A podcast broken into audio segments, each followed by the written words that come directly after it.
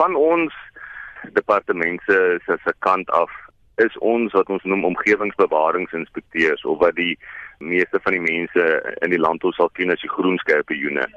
So as gevolg van daai mandaat werk ons baie op die bewaring van geluiste spesies en daar's 'n variëteit van spesies van plante, insekte, voëls, diere, soogdiere ensovoorts.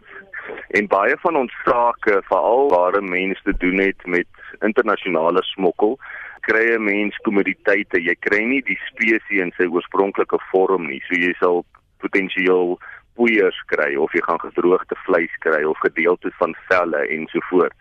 Haai vinne is 'n ander voorbeeld en en dis on, ongelooflik moeilik om dit te identifiseer deur visuele diagnose. Jy jy moet basies meer hê en DNS maak dit geheel en al vir ons ooplik oop. Met ander woorde ons kan dan sake registreer met die 100% wete wat die spesies is waarmee ons mee werk. Is daar sake voorbeelde van sake wat julle al so hanteer het en goeie resultate mee gehad het? Daar's eintlik 'n hele paar. Ek dink van die van die interessante sake is byvoorbeeld broodboom saad wat uit die land uit probeer gesmokkel was wat ons dan die sade kon laat analiseer en 'n variëteit spesies kon identifiseer almal wat gelys is en natuurlik dan onwettig is.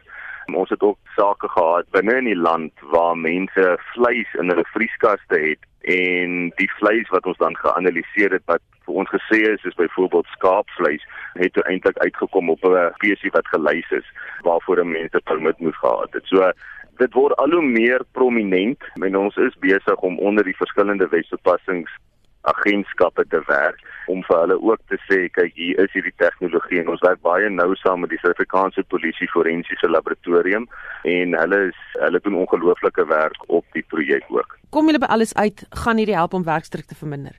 Dit gaan verseker help. Ehm um, die hoeveelheid werk wat in ondersoek moet gaan as 'n mens op 'n potensiële spesies afkom waar 'n mens kenners moet kry om die analises te moet doen wat baie keer baie moeilik is om te doen om veral vir van die spesies wat ons op afkom.